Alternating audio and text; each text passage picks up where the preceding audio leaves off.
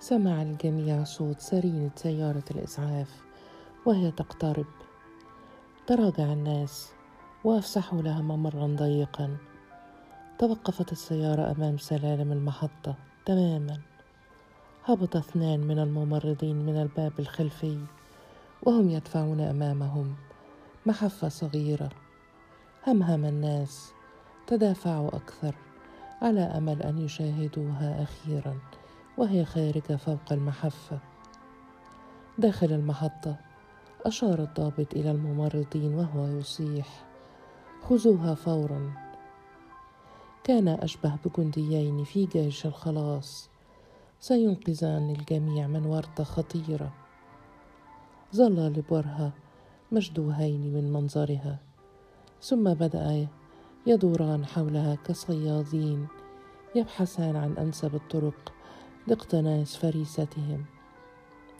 وضعوا المحفة خلف ظهرها ووقف أحدهم أمامها والآخر في الخلف وكان على الأول أن يدفعها دفعة خفيفة وغير مؤذية ويسرع الآخر بتلقفها. بعد ذلك يضعان جسدها فوق المحفة ولكن جسد ورد لم يستجب للدفعة. كرر الممرض المحاولة بقوة أكثر. وضع يداه الاثنتين على كتفيها وواصل دفعها ولكنها لم تكن مجرد فتاة هشة داهمها الموت. بدت كتمثال متخشب مغروس في الأرض. نظر الممرض حوله في حيرة. تقابلت نظراته مع الضابط الذي كان يضغط على أسنانه في ترقب. عاد الممرض ودفعها بقوة أكثر. ارتج جسدها. كأنه قد تأثر بقوة الدفع ولكنها ظلت في مكانها. والأخطر من ذلك أنها بدت على وشك التهشم. دفعة أخرى وستتفتت وهي جامدة في مكانها. تراجع الممرض في خوف لكن الممرض الثاني تقدم منها. كان أكثر طولا وأشد وقاحة. لف ذراعيه حول ورد. حاول أن يقتلعها من مكانها. ولكن الجسد انتفض بين ذراعيه. أو هكذا على الأقل خيل له. انتفاضة واهنة متواصلة. سرت في بدن الممرض كشحنة كهربائية. تراجع وهو يشهق. وقف لاهسا أمام الضابط وهو يقول لا نقدر يا باشا. قال الضابط وقد انخطف لونه. ماذا؟ إذا لم تقدروا على نقل مريضة إلى المستشفى. على أي شيء تقدرون إذن؟ قال الممرض الضخم مرتعدا ستموت في أيدينا يا باشا ولا نستطيع أن نتحمل مسؤولية ذلك. صرخ الضابط ولكنها ميتة بالفعل يا غبي. قال نحن إذا لا نحمل الموت يا باشا. استدعي الحنوتي انفجر الضابط فيهما مهددا ورحمة أمي سأضعكما معا داخل السجن المؤبد. إذا لم تحملا هذه الجثة من هنا. كان الاثنان يعرفان ماذا يعني سجن قسم أول. ويشمان رائحته العافنة المنبعثة على بعد أمتار من سوره العالي. لذلك نظر الواحد إلى الآخر وبدأ يدوران حولها من جديد لعلهما يستطيعان اقتلاعها. ولكنهما كانا يرتعدان يدركان أنهما يمكن أن يدمر هذا الشيء البالغ الرهافة والجمال. كانت فرصتهما الوحيدة أن يدور ويدور حتى يقترب من باب المحطة ويواصل الجري حتى السيارة وينطلق بها للاختفاء في أي مكان. في تلك اللحظة وصل القطار الذي يحمل الطلبه من الجامعة. جامعة إقليمية صغيرة. لا تبعد عن مدينتنا إلا بحوالي نصف ساعة بالقطار. وكنت أنا من بينهم. طالبا مرتجفا في من كلية الطب.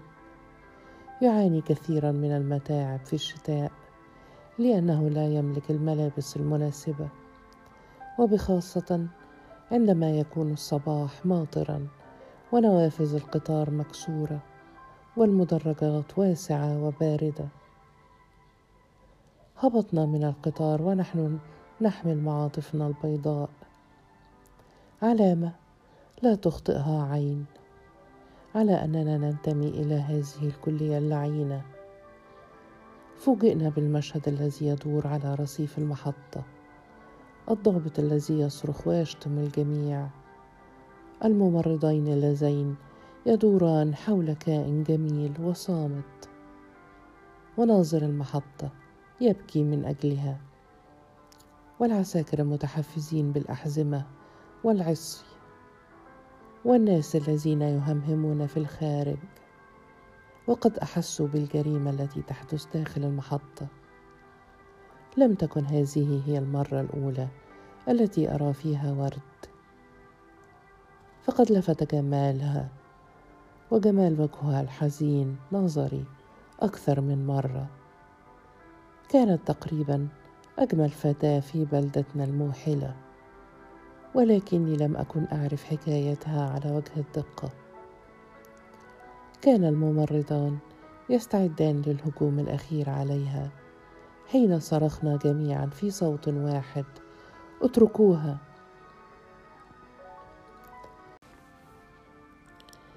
توقف الممرضان وكأنهما كانا في حاجة فقط إلى من ينهرهما.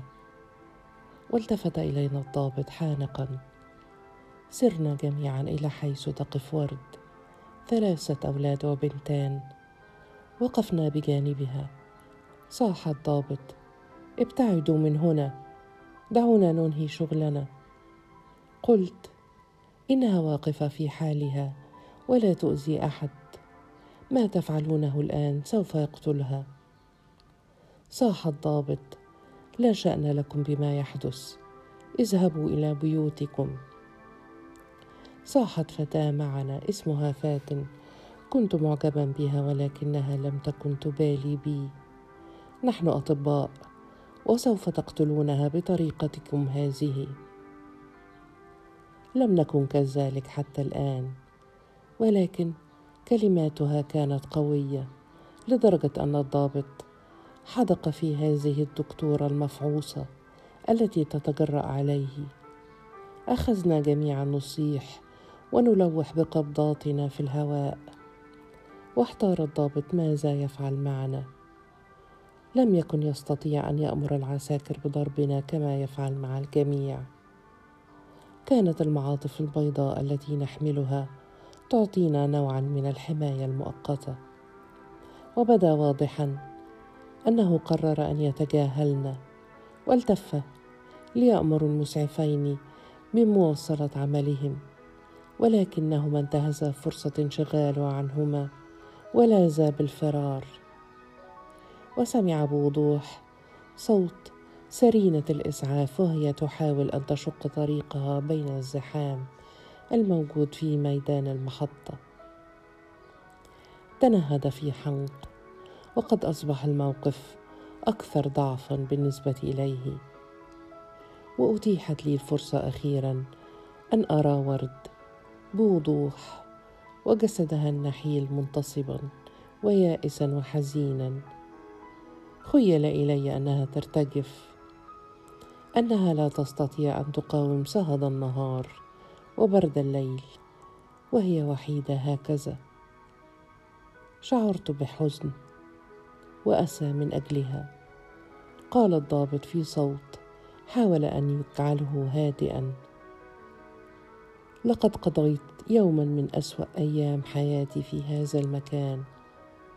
أنا أقف هكذا منذ الفجر والمدينة كلها على كف عفريت.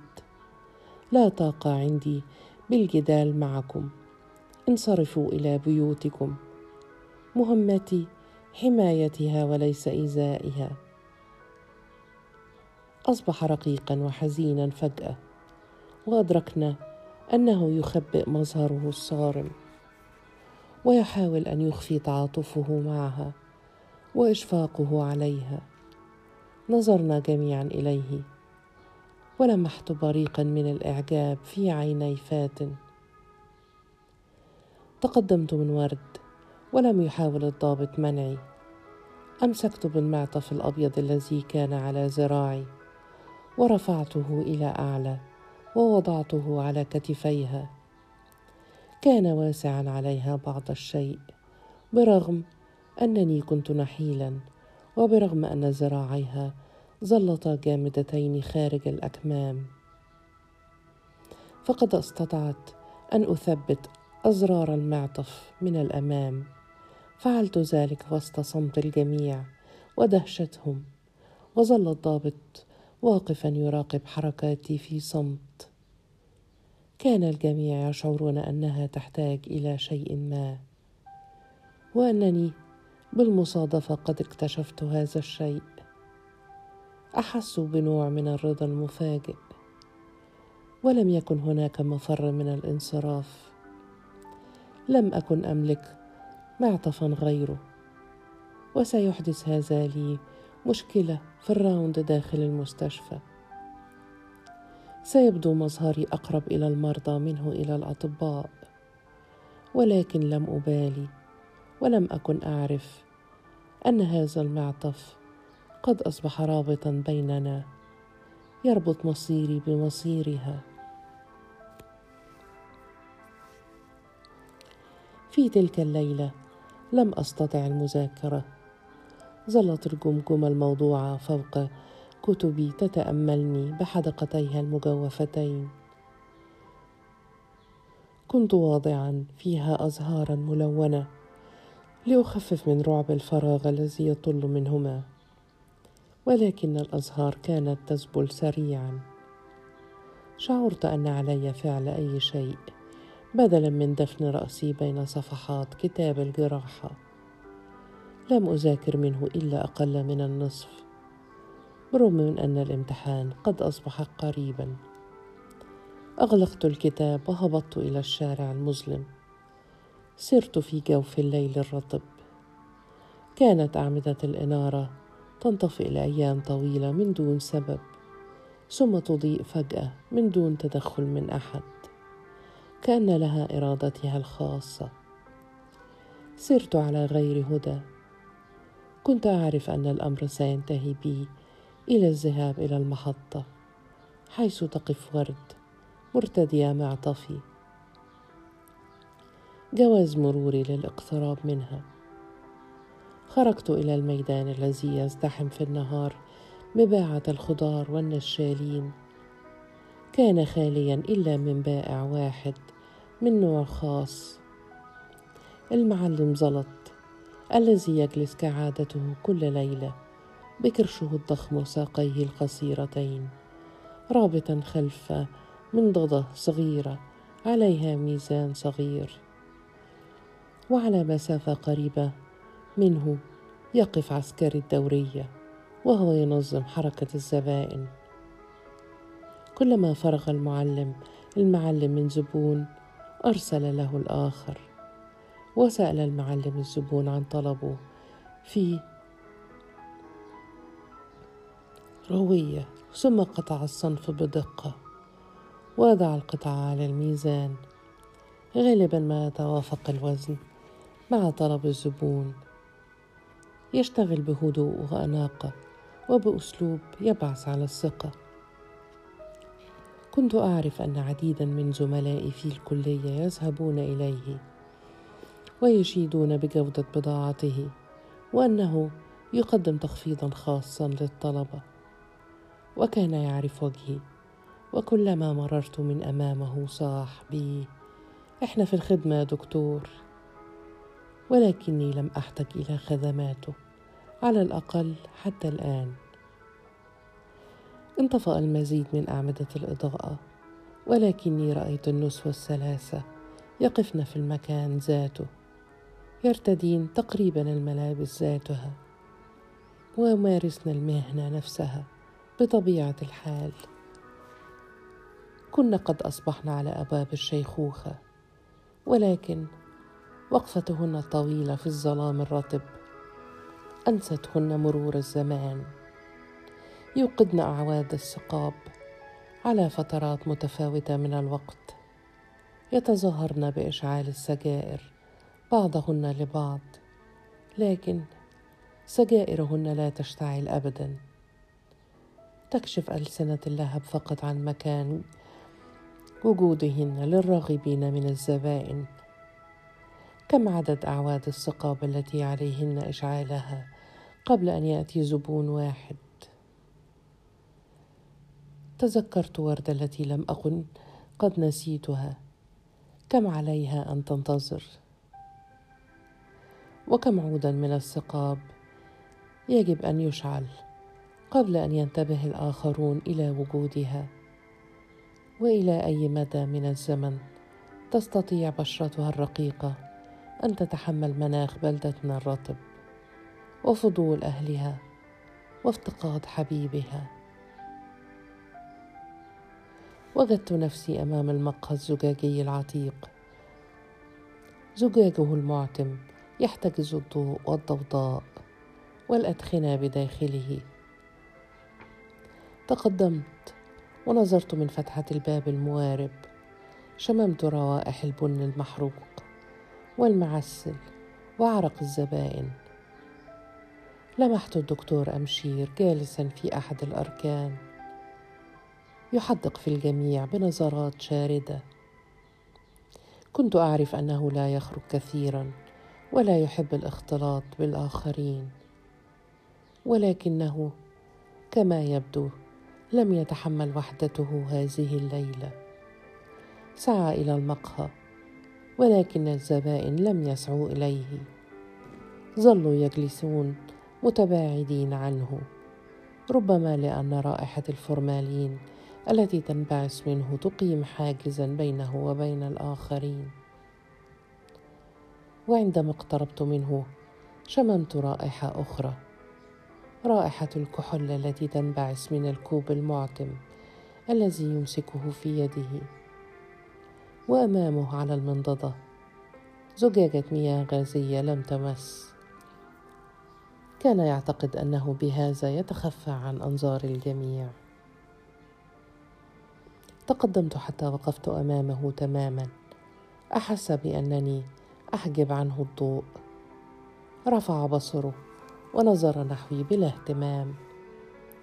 رفع الكوب وأخذ منه رشفة ثم تجشأ. قال في صوت متقطع. هل أعرفك؟ على الأقل لم يبدو رافضا لوجودي. قلت كلا أنا مجرد طالب في نهائي طب لم يتخرج بعد. قال من فوره لقد أختر أخطأت اختيار المهنة. بدا تعليقه متسامحا وعلى شيء من المرح. سحبت مقعدا وجلست في مواجهته أدار وجهه للناحية الأخرى. كأنه لا يريد لأحد أن يرى وجهه عن كثب. قلت أعرف أن الطب مهنة غريبة وتقترب من السحر ولكنها بالغة القدم وتتعامل على الأقل مع أسرار الحياة والموت. ضحك. وقال من الذي علمك هذه الكلمات الضخمة؟ الطب هو مجرد تسكين لآلام لا تنتهي.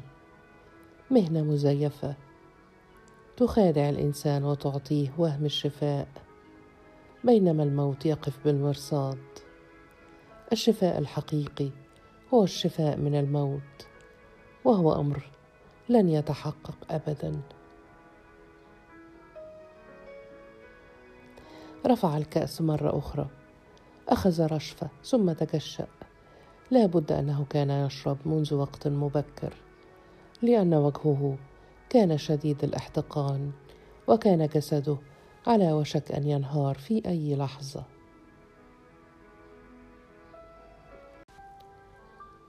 دخلت مباشرة في الموضوع. قلت لقد رأيت الفتاة التي تجمدت اليوم.